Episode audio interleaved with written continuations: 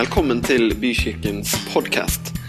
For mer informasjon om oss cvvvbykirken.no.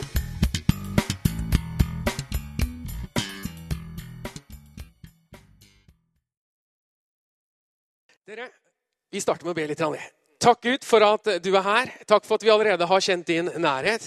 Eh, Og så ber vi om at vi, du inviterer deg til å fortsatt være her, og at eh, du eh, taler gjennom meg når jeg deler ditt ord her.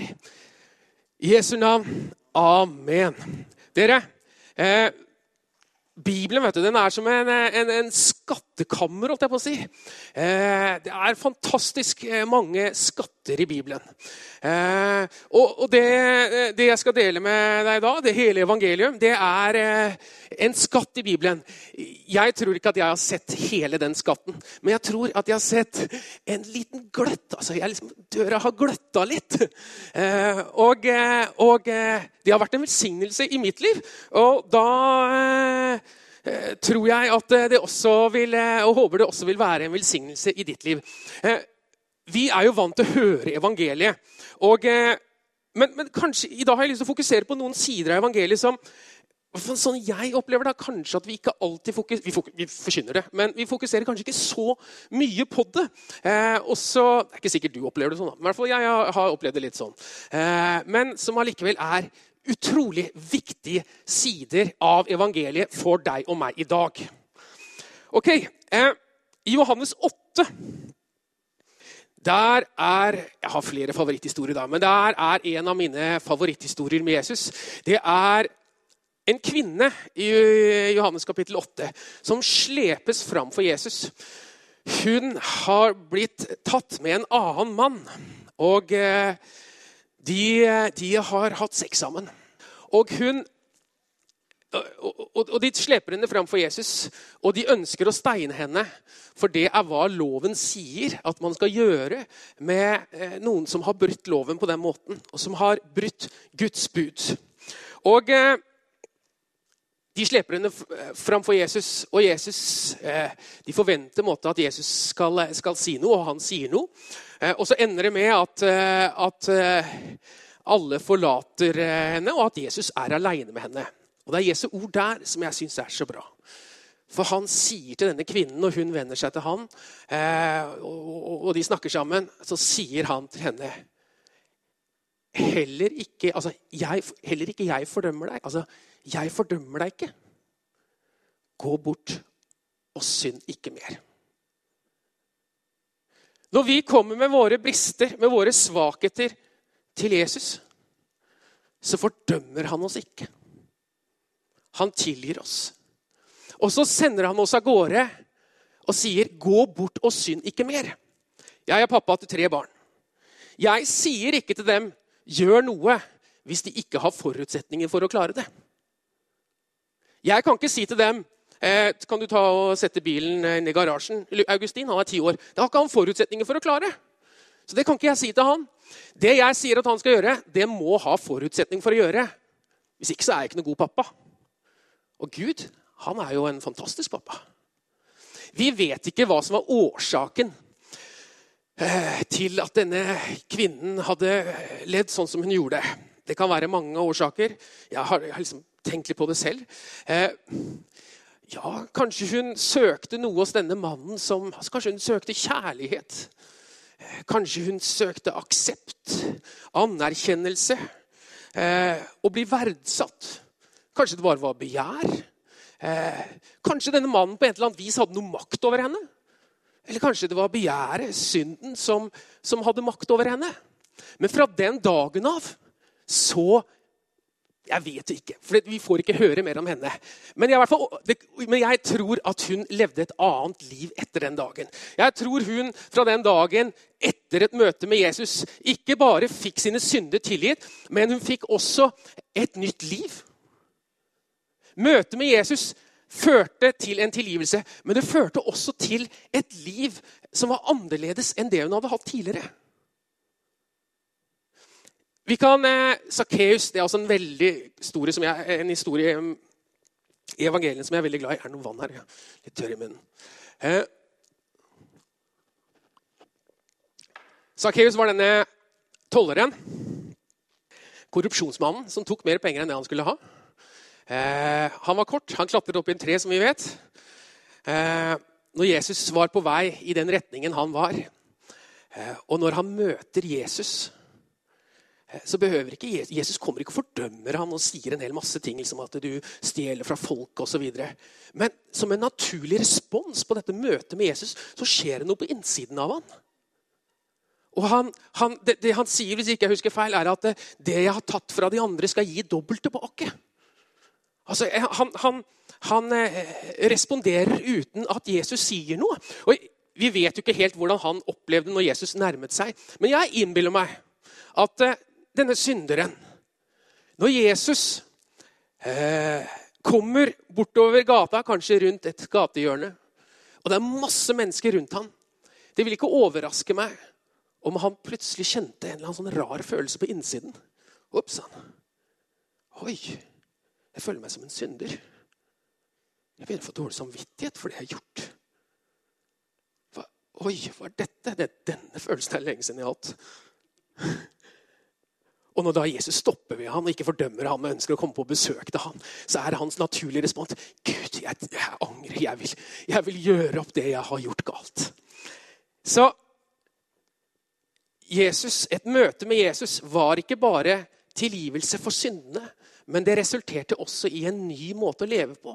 Det, det, det gav Sakkeus en lyst til å leve annerledes. I Lukas kapittel 4, vers 18-19 så står det «Eh, Herrens ånd er over meg. Dette er hva Jesus sier om seg selv i eh, synagogen. Herrens ånd er over meg, for han har salvet meg eh, til å forsyne et godt budskap for fattige. Han har sendt meg for å rope ut at fanger skal få frihet. At de som er fanger, de skal få frihet. Dette er Jesu eh, prosjekt, altså.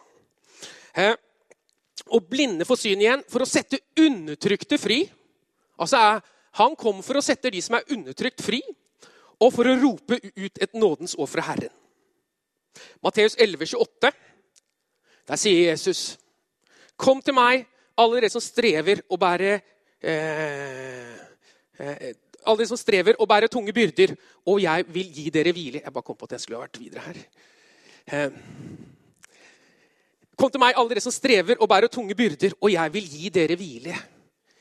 Jesus kom for å gi oss hvile, vi som strever. altså. De som har det tungt, de som har det vanskelig. Matteus 1, 21.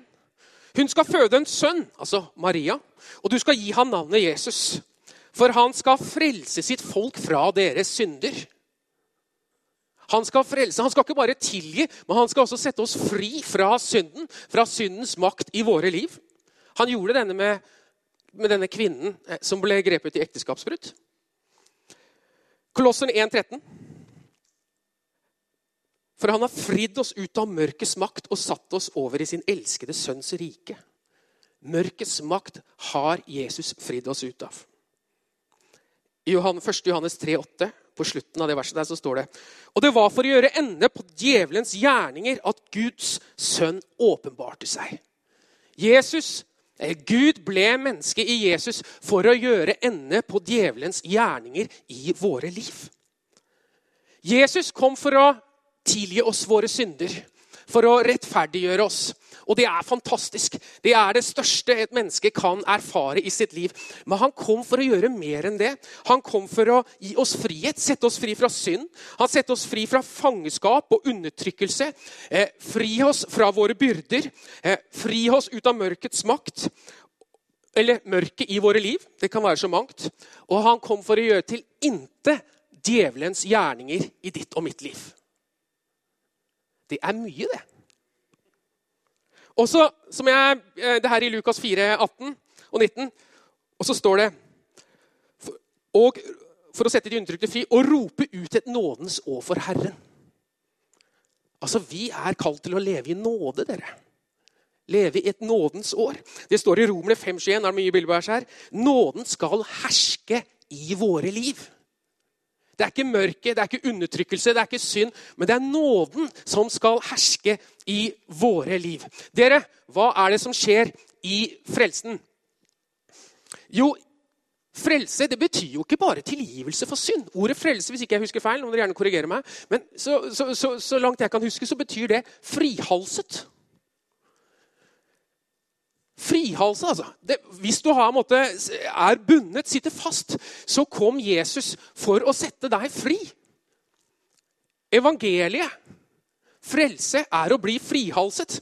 I, i Gamle testamentet blir ordet frelse ofte brukt eh, om når, når, når, Moses ledet folket ut fra Egypt. Hva var det de var i Egypt? De var slaver. De satt fast i mørket, de var bundet, de var lenket. Frelse var at de ble tatt ut av denne slavetilstanden, og så fikk de et liv i frihet. Og det er frelse. Eh, I, I Nytestamentet kan vi også se at det sammenlignes med å bli en ny skapelse. I dåpen dere, så begraver vi vårt gamle liv, og så får vi et nytt liv. Eh, når, hvis vi sporer litt tilbake igjen til, til eh, Israels folk og utvandring av Egypt. Så kan, måte, sant, Når de skal gjennom dette Rødehavet Når Moses skiller med Guds kraft skiller eh, Rødehavet i, i, to deler, og de marsjerer gjennom, så kommer jo faraos hær like etterpå. Eh, og vannet klapper sammen, og de dør. Og så er da eh, Moses og det israelske folket på andre siden. Denne historien kjenner sikkert de fleste av oss. Men faraos hær, denne slav, de som, de som, holdt dem fast, de som bandt dem, de som de var treller under, var nå måtte døde. Hadde ikke makt over dem lenger. Dåpen er altså, den setter oss fri fra det som binder oss. Frelsen. Det som, det som tynger oss, det som kan, kan ødelegge livet vårt, det som er av mørket, det setter frelsen oss fri fra. Eh, frelsen er også en forsoning med Gud. Der hvor jeg blir ett med Gud. Hvor Jesus kobler meg sammen med Faderen. Eh, og jeg får en nytt, nytt, ny natur, et ny hjerte på innsiden. Eh, en ny beskaffenhet, altså. Et, et, et ny, jeg har en, en, gammel natur også, men jeg får i tillegg en, en, en ny natur. En natur som er sterkere enn den gamle naturen. Den hellige ånd Gud selv, Faderen selv, flytter inn i mitt indre når jeg blir frelst. Den kraften som reiste Jesus opp fra det døde, det største underet i historien, den bor på min innside. Den fikk jeg i frelsen. Så dere Frelse, det er mer enn rettferdiggjørelse. Det er ufattelig mye mer. Men ikke misforstå meg, jeg prøver ikke å gjøre rettferdiggjørelsen noe mindre. Altså. For den er stor. At Gud erklærer meg rettferdig. Men den er så ufattelig mye mer enn det. Dere, hvem er det som frelser? Det er Gud som frelser. I mine notater har jeg streket under Gud. Er ikke du som frelser. Det er ikke du som rettferdiggjør deg selv. Det er Gud som erklærer deg rettferdig. Det er Gud, nei, unnskyld, det er ikke du som har selv satt deg fri fra syndens makt. Vet, man kan jo slite med ulike ting. Det, det gjør vi alle mennesker. Men Gud har satt oss fri fra det. Det er ikke du som setter deg fri fra ting som binder deg. Det er Gud som gjør det. Det er ikke du som har forsonet deg med Gud. Det er Jesus som har forsonet deg. Og det er han som har gitt deg Den hellige ånd. Og dette, alt dere, dette dere, er Guds nådesverk. Det er ikke noe du har selv har gjort deg fortjent til. Det er ikke noe du har bidratt med der, bortsett fra å si ja. Jeg tar imot. Det er Guds verk alene i mennesket. Det er hans verk og hans verk alene. Dere, jeg har lyst til å spole tilbake noen og 20 år. Eh, jeg husker ikke nøyaktig hvor gammel jeg var. Men, eh, jeg var i tenåra en gang. Jeg tror jeg er på slutten av tenåra. Eh, og jeg, tror jeg, kom, jeg, lurer, jeg, er ikke helt sikker på om jeg kom hjem fra en konferanse på Livets Ord. eller hva det var for noe. Livets Ord er en kirke i Uppsala som er veldig bra. Men, men, men, i hvert fall så, så, ble jeg pratende litt med min bror. Min storebror Erik. Og eh, du vet, Brødre det kan jo være en viss rivalisering. Er det noen som kjenner seg inn i det? En viss, eh, apropos rivalisering. Jeg husker, eh, jeg har en yngre bror også som heter Jørn. Han er to og et halvt år yngre. Eh, jeg glemmer, den, den, den, sitter nesten fortsatt i kroppen. Altså. Men jeg glemmer aldri den dagen han tok meg i håndbak. Altså. Det, og det var, det var, noen av mine klassekompiser som var også der til stede. Jeg tror jeg var sånn 16-17 år, et eller annet, og han hadde vel trent litt ekstra. Vet, og så tok jeg meg håndbak foran de. vet uh, altså, det, det, kan være en viss rivalisering. dere menn skjønner hva jeg snakker om. Ja. Så, så, men, i hvert fall, men hvert fall eh, eh, Og så ble jeg og min bror slitne og prate litt. Og så jeg og Rik, da, min eldre bror. Og, eh, og den tiden eh, så, eh, så, var jeg veldig opptatt av å bekjenne Guds ord. Og det er jeg fortsatt. la meg si det sånn. Jeg, mine, jeg har to av mine tre barn på en kristen friskole her. og de, de, de, Der skal de pugge bibelvers og sånn. og Det syns jeg er bra. da. Det, det, det, det, er fint. Ikke for mye, da, men lite grann. Det, det skader ikke. Eh, men, men, men, men, det var bra. Men, jeg var kanskje jeg tror nesten, Det ble nesten, det ble ikke sikkert det ble sånn for andre, men for meg så ble det nesten litt sånn eh, det ble nesten litt sånn magi, tror jeg. Altså Bare man sier bibelvers mange nok, ganger nok, så, så, skjer det et eller annet. Og det, det, er ikke helt sånn, har jeg skjønt, når jeg ble litt eldre. Eh, eh, og, men, men, men, det var liksom at jeg bekjenner, jeg binder djevelen, jeg står imot det onde, fristelser osv. Jeg proklamerer. Det ble fryktelig mye meg, altså. Det var jeg som skulle gjøre så veldig mye. Og så satt min bror, da, som for øvrig ikke hadde gått på Livets ord, bare det diskvalifiserte han litt. Eh, på den tiden, da. Eh, I mine øyne ja, Kanskje ikke helt, da, men, men, men, jeg tenkte nok litt sånn Han hadde gått på en menighet inn i Asker som et sentermenighet, en bibelskole der. og Han snakka om at han eh, at, at han opplevde ofte at kristenlivet ble så vanskelig. Jeg er ikke sikker jeg gjengir helt ordrett, men jeg gjengir i hvert fall budskapet hans. Og at han i møte med, med, med Gud så opplevde han ofte altså han opplevde sin egen tilkortekommelse.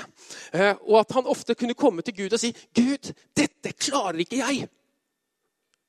'Her må du gjøre noe i meg.' 'Dette makter ikke jeg i meg selv. Jeg trenger din kraft og styrke her.' Gud, hjelp meg så jeg kan overvinne dette i livet mitt. Gud, hjelp meg så jeg kan leve annerledes på dette området. For dette klarer ikke jeg meg selv. Gud, jeg kommer til, nå, nå, er, Gud, nå er jeg på enden av meg selv. Dette, nå, nå, gir jeg opp. Jeg klarer ikke lenger på dette området. Altså, jeg tror ikke livet hans var bare sånn. er ikke det jeg sier. Men, men noen, områder, noen, ganger kan man oppleve sånn i livet sitt. Sånne tilstander. Nå må du komme og gi meg. Nå må du frelse meg, Gud. Nå må du redde meg. Og det, det, klang ikke så godt i mine ører. Eh, og klart var, Han var broderen òg, så det var ikke så lett å kanskje nå inn til meg heller. Eh, men, eh, men, eh, men, jeg kjente det traff hjertet mitt. Plutselig så var det snakk om at jeg skulle komme med min svakhet til Gud. Mine tilkortekommelser, mine brister. Og så skulle Gud bli stor i livet mitt. Altså, Jeg skulle måtte være dønn ekte og dønn ærlig for Gud. Og så skulle jeg slippe til hans kraft i livet mitt. Det var ikke snakk om at jeg skulle overvinne alt dette her, men at Gud, Jesus, skulle gjøre det i meg. At jeg skulle eh, ta imot hans kraft, han i livet mitt. Det var litt annerledes, altså. og jeg kjente det traff i hjertet mitt. Det der er jo sant. Selv om ikke jeg klarte å se det helt, eller eller se det eller eh, vise det.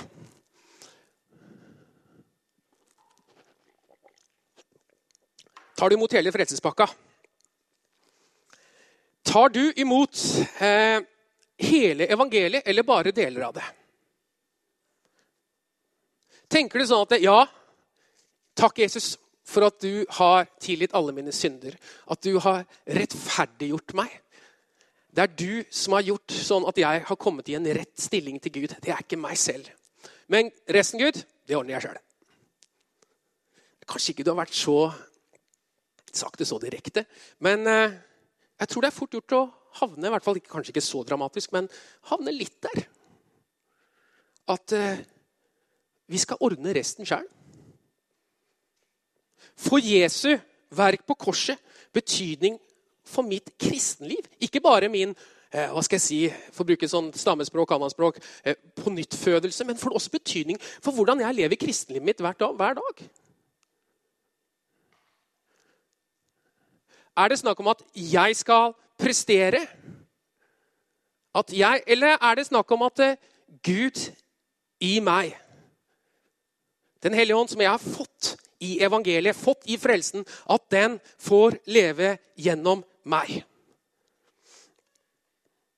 Dere, det er Gud som setter meg i stand til å leve det nye livet. Det livet som Gud ønsker at jeg skal leve, og som jeg ønsker å leve, det er det Gud som skal leve i meg. Det jeg ikke klarer, det klarer han i meg. Og det er et overnaturlig liv. Da får jeg andre ressurser, altså. Da blir Gud stor i meg. Han, han er ikke bare stor på min frelsesdag, men han er stor i min hverdag i min hverdagskristenliv. Den høsten her eh, så har jeg skrevet en eh, masteroppgave. Eh, jeg har jo blitt 40. Hvis ikke jeg husker feil, så sa, sa ikke du Magnar, en gang her at man skal ikke kimse med 40-årskrisa? Så, så, så, jeg hadde lyst på noe mer studier. og så kom jeg i gang litt seint. Master bruker man vanligvis to semester. Eh, og noen trenger kanskje, eller mange trenger fort litt lengre tid enn det også. Eh, jeg måtte levere seinest 12.1 og komme i gang sånn 1.9. Eh, så jeg var seint ute. Men jeg hadde tenkt litt på forhånd. da. Jeg hadde rafla skridd litt på noe uten ark og sånn også. Og så ikke nok med det. Men det, jeg er dysletiker. Jeg, jeg har lese- og skrivevansker. Og jeg jeg fikk støtteundervisning eh, på, på, på, barneskolen. Jeg hadde sånn ekstra tid på prøve og eksamener. og sånn. Jeg hadde ikke så mye ekstra tid nå. for å si det sånn. Men dere, eh, jeg er med i en life-gruppe. De ba for meg. Eh, jeg har noen barn og jeg har en ektefelle. De ba for meg. Og det var ikke sånn at jeg bare virra. Det er derfor jeg hadde utsatt dette så lenge. Det er fordi at jeg jobber og ekte, barn og alt mulig. ikke sant? Jeg er opptatt med ting. Men jeg satte meg ned og, og, og begynte. Mm. Eh, og, eh, og, eh, jeg gjorde det veldig bra der. Jeg har fått høre at, eh, fra, fra, en av disse som er kursansvarlig der, at, at det, er, det, er, få som får så gode karakterer det. Det er det. Men vet du hva? Det, det er Gud, det. Det er nåde, det. Det er det nye livets ressurser, det.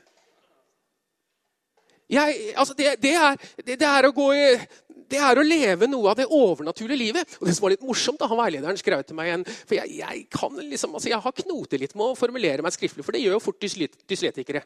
Eh, men, eh, men eh, han skrev meg du har et usedvanlig, eller ikke usedvanlig, du har et meget godt eh, akademisk eh, språk. Are. Jeg, jeg leste det for høyt for kona mi. Sier her, Are. Hva, han skriver, nei, her, er han skriver? Der? Her er dysletikeren.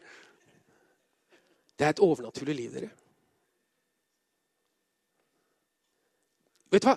Du vet, Gud, jeg, jeg, Jesus kom for å sette oss fri fra det som binder oss. Det som holder oss nede. Jeg, skal, jeg lever i nådens år, jeg. Og du vet, Jesu, Jesu, verk på korset vet du hva, det er større enn en, en min dysleksi. altså. Det er større enn alle bokstaver. ADHD, ADD, kall det hva du vil. Jeg har respekt for det, ikke misforstå meg. Men eh, Gud er større. Hans ressurser, han sprenger de rammene vi måtte, eh, noen ganger eh, eh, plasserer oss selv eller andre innenfor. Gud er så mye fattig, mye større enn det. Nå skal Vi ikke vi skal ikke liksom bare latterliggjøre og bagatellisere det. Men, men, men, vi skal tro Gud på, og tro på hans frelsesverk, at det er større. Det er mer enn tilgivelse. Det er stort, men det er mer enn det, dere. Det er mer. Eh, evangeliet, Jesu verk, frelsen, det gir meg et annet potensial. Det gir deg et annet liv. Jeg vet ikke hva som er dine utfordringer, det du sliter på. Men jeg vet at evangeliet kan sprenge de rammene. Ja, men du kjenner ikke mine vanskeligheter. Det jeg sliter med. Men Gud er større. Dere, en, eh, en, en venn av meg Han er en del år eldre enn meg. Eh, og eh, han fortalte meg noe her som gjorde inntrykk. Det er en stund siden han fortalte det. Men jeg, jeg, jeg kjenner han og kona godt. Og de har hatt det alt annet enn lett sammen. altså. De har hatt et særdeles krevende ekteskap. Eh, og for meg så er det et mirakel eh, at de fortsatt er gift. Og det er det også. Eh, men han fortalte at han i det ekteskapet der så kom de til et punkt de kom til, eller, eller i hvert fall han for sin egen del. jeg vet ikke helt, hun, hun er ikke så åpen, men han er veldig åpen. Han fortalte at han kom til et punkt i livet sitt hvor han kjente at han ikke elska kona si lenger. Han var ikke glad i henne. Og det må være, Han er en veldig sånn ekte og ærlig mann. Veldig, veldig god mann, opptatt av å følge Jesus. Men han hadde ikke følelse for henne lenger. Og det må være forferdelig tøft å oppleve det. Eh, det må være kjempevondt. Han fortalte meg at han, han måtte komme til Gud. Eller han gikk til Gud. Han valgte det, da. Og så ba han Gud. Nå har jeg kommet til enden av meg selv. Dette mekker ikke jeg. Jeg får det ikke til. Jeg har ikke følelse for kona mi. Og som jeg sa, menneskelig sett jeg skjønner den. Gud, du må gjøre meg glad i kona mi på nytt igjen. For jeg klarer ikke dette. Jeg får ikke til. Jeg har kommet til enden. Her må du komme med ditt liv. Dette er noen år siden. Eh, jeg tror fortsatt de har noen utfordringer, altså. men de har det godt sammen. De lever godt sammen. Jeg tror det faktisk de lever bedre sammen nå enn det de har gjort kanskje hele sitt tidligere ekteskap. Jeg sier ikke dette for å fordømme deg som det har gått gærent med. Altså. For all del. Gud gir oss nåde. Gud gir oss ny sjanse. Men de lever godt sammen i dag, og Gud gjorde han glad i kona, kona si på nytt igjen. Dette var ikke hans verk. Dette klarte ikke han. Dette var Guds livet i han, som han fikk i evangeliet, som han fikk i frelsen. Eh, Eh, ja Forbindelsesordene. Forbindelsesordene nåde, tro og evangelium. Nåde er jo kanskje mitt favorittbegrep i Bibelen. altså. Men nå lever jeg jo i nådens år òg, da. Så, men dere, dette er ord som begrunner begynnelsen, men som også er nøkkelord i fremtiden. I vår fortsettelse. Dette er ord som var viktig, og som er det som, uh, som er det som uh, er viktige ord når vi begynner vårt kristenliv. Men det er også ord som ikke stopper der, men som skal følge oss resten av kristenlivet. Det er ord som er viktige for oss hver eneste dag. Jeg begynner med nådebegrepet. Det peker både bakover og framover. Det peker tilbake at jeg fikk nåde. Jeg fikk nåde av Gud, og jeg ble rettferdiggjort. Men det peker også framover. Det setter den troende i stand til å leve det nye livet. Nåde er som et forrådskammer som jeg kan bare øse ut av og ta av, sånn at jeg kan leve det livet Gud har kalt meg til å leve. Det var nåde som gjorde at min venn ble glad i kona si på nytt igjen. Det var nåde som gjorde at jeg skrev en god master. Det er et forrådskammer som jeg kan øse ut av, og som Gud vil at du skal leve i. Det er, det er nåde til å leve det nye livet som Gud vil at vi skal leve. Nåde er ikke noe jeg kun får første dagen i mitt kristne liv. Det er nåde hver eneste dag. Nåde er det jeg lever av.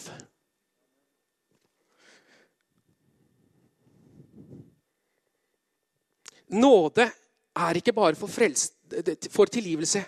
Eh, men det er nåde til å leve det nye livet. Altså leve livet som Gud vil vi skal leve. Nåde til å legge av synd. Synd som binder oss, som holder oss nede, og som ødelegger livet våre. Trosbegrepet. Den preker også mot fortiden, men også det futuriske, altså det fremtiden. troen på at han som frelste meg, han som rettferdiggjorde meg, han skal også leve igjennom meg. Han skal også istandsette meg. Han skal også med sin kraft, med sin ånd i mitt indre, leve Guds livet gjennom meg. Er vi ikke pinsevenner av dere? Er ikke det pinse handler om? At det er Gud som fyller meg med sin kraft. Frels, Gud slipper ikke bare til på frelsens dag, men han slipper til også i fortsettelsen. Men det er vi som avgjør om han får slippe til. Evangeliebegrepet Evangeliet er ikke bare et budskap, løfte om Guds rettferdiggjørelse, men også om et nytt liv. Det er ikke bare at Gud tilgir meg. Det er ikke budskapet bare om at jeg kan få tilgivelse, og så er du overlatt til deg selv. Nå skal du prestere, nå skal du leve dette kristenlivet selv. Men det er også, det er også budskapet om et liv hvor Gud får, eh, får, får fylle oss, får istandsette oss, får gi oss de, den kraften vi trenger for å leve livet. Det er, det er gode nyheter dere, for de som er bundet, som sitter fast. Om man sitter fast, da kanskje man i perioder har eh, sliter litt med depresjon, eller ja, det kan være det ene og det andre. Evangeliet er budskapet om at det fins frihet fra det. For at du skal liksom være så fantastisk, men for at en har vært fantastisk for deg. Det er budskapet om at eh, Gud i meg, gjennom Den hellige ånd, gir meg et nytt liv.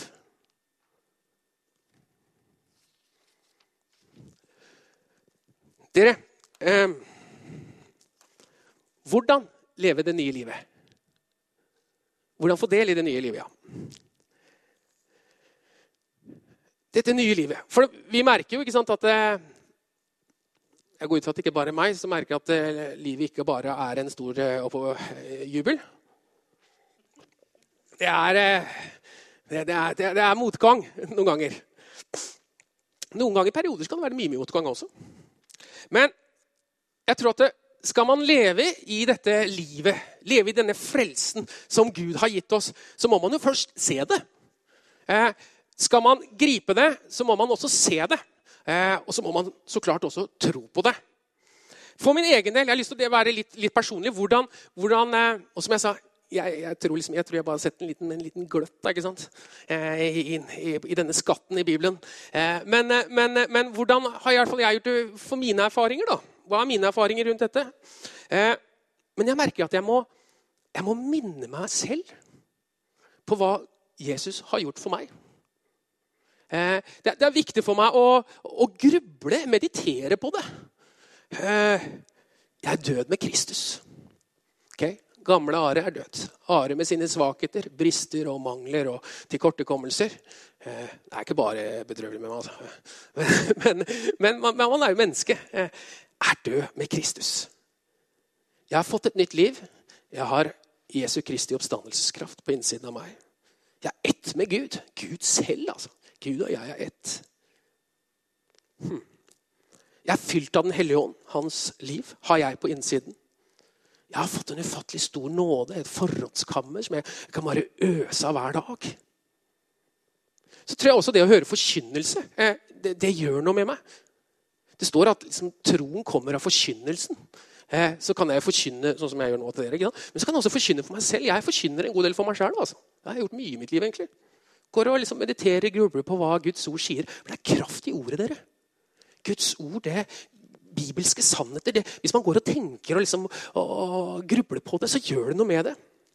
En annen ting det var nummer én. Nummer to, som jeg tror er viktig, eh, i hvert fall som jeg har erfart i mitt liv, eh, er det at eh, hvordan skal jeg erfare Guds kraft, Guds liv og Guds nåde på de ulike områdene i livet mitt? Så handler det om å ydmyke meg for Gud. Jeg fortalte når jeg traff broderen ikke sant, at det, det, ble, det var fryktelig mye meg. altså. Mens, om, mens min bror snakka om han. Gud. Jesus. Så hvis jeg tenker tilbake, hvordan var det du ble frelst? Hvordan er det man blir frelst? Det er jo at man fremfor Gud sier at 'Gud, jeg klarer det ikke'. Jeg trenger at du frelser meg, at du rettferdiggjør meg. Meg jeg med mine, korte, nei, mine, mine brister til kortekommelser. Jeg trenger din nåde. Så det å være ekte, oppriktig og ydmyk for Gud At Gud, vet du hva? Dette området i livet mitt, det takler jeg ikke. Jeg får det jo ikke til, jo. Jeg eh, blir jo alltid så sint i den sammenhengen, og det veit jeg det skal ikke være. ikke sant? Og, eller ja, you name it. Jeg har så lett for å baksnakke. Ja, jeg vet ikke hva man sliter med. Det kan være forskjellige ting. Så Paulus sier en sak. Når jeg er god sak, Han sier mye gode, bra ting. Men han sier når jeg er svak, er jeg sterk. Noen ganger tror jeg det er en Eller ikke når jeg tror det er sånn. Vi må selv være svake for at Gud skal bli sterk i livet våre. Skal Gud bli stor i våre liv, så må vi tillate han det å være svak for han. Gjøre seg selv avhengig av han. Han vil være min frelser hver dag. Eh, jeg, eh, før når jeg ba den tredje, er den tredje punktet da, eh, for å leve dette Før når jeg hadde, så, var mitt bønneliv veldig mye en monolog. Hvor jeg ba til Gud. Eh, og jeg ba masse gode, fine ting. Altså, det var ikke noe sånne, sånn selfish, eh, altså bare sånne egoistiske greier. Men, men, eh, men, men, hvis jeg ser liksom litt sånn lang perspektiv, så ser jeg at bønnelivet mitt har endra seg utrolig mye. Jeg ber fortsatt til Gud.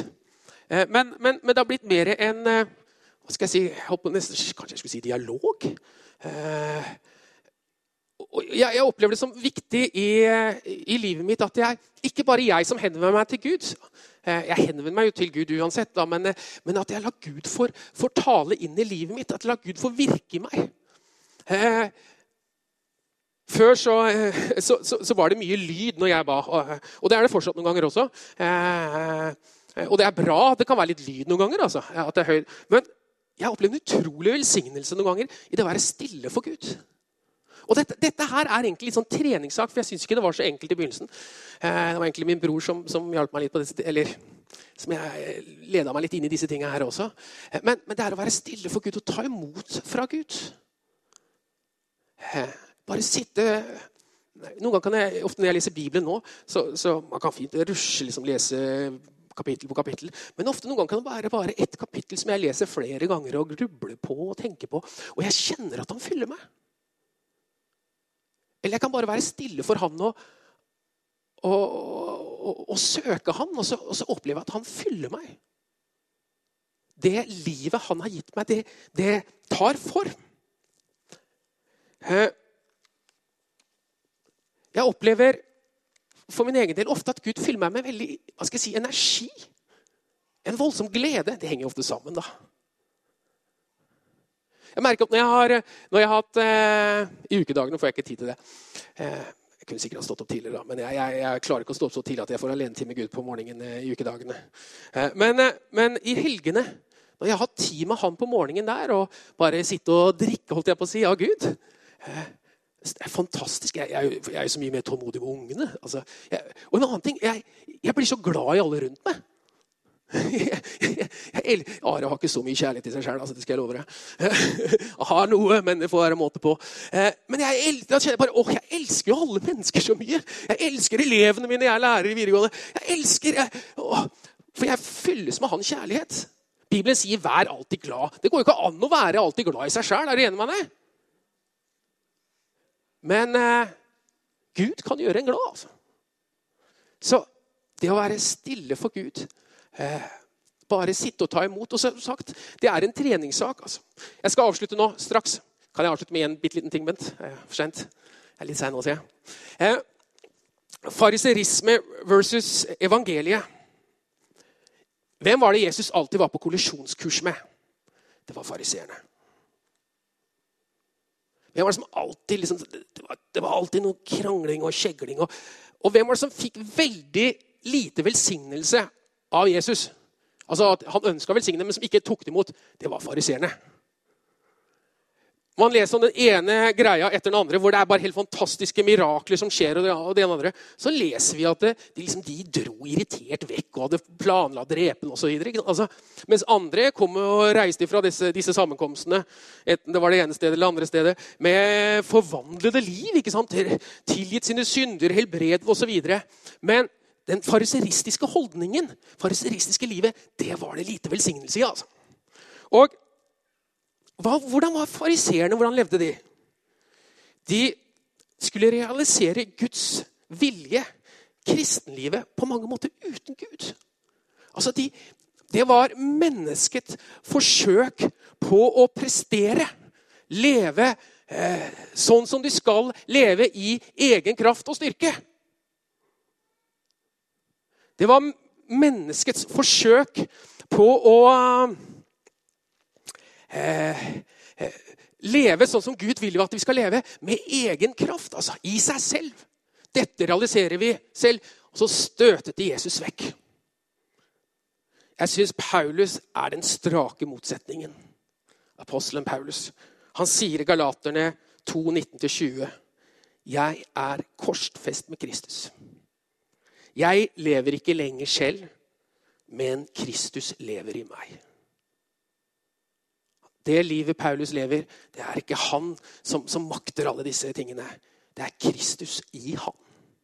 Det er det nye livet. Det er Gud som virker i han. Dere vet hva? Det snakkes mye om lovgjerninger noen ganger. Og det er ikke noe bra. Det er menneskets forsøk på å, å prestere for Gud. Men vet du hva jeg har tro på? Jeg har tro på trosgjerninger. Altså gjerninger som springer ut av min tro. Jeg har lyst til å avslutte med å si slutt å streve, begynn å leve. Eh, det betyr ikke dere, at ikke jeg som menneske Jeg har også en side av meg selv som ikke alltid vil Guds vilje. ikke sant? Så jeg, jeg, ja, jeg kan få lyst til å bli sint, jeg kan få lyst til å eh, ja, irritert Ikke hat, da, men, men, men, men ja, Det er ikke alltid som er alt Min menneskenatur er ikke alltid god. Men dere, Guds natur i meg er større og sterkere. Og den kilden, den vil jeg dra. For den har jeg fått i evangeliet. Det er en del av frelsen, frelsespakka. Yes. Skal jeg gi ordet til deg, Frank?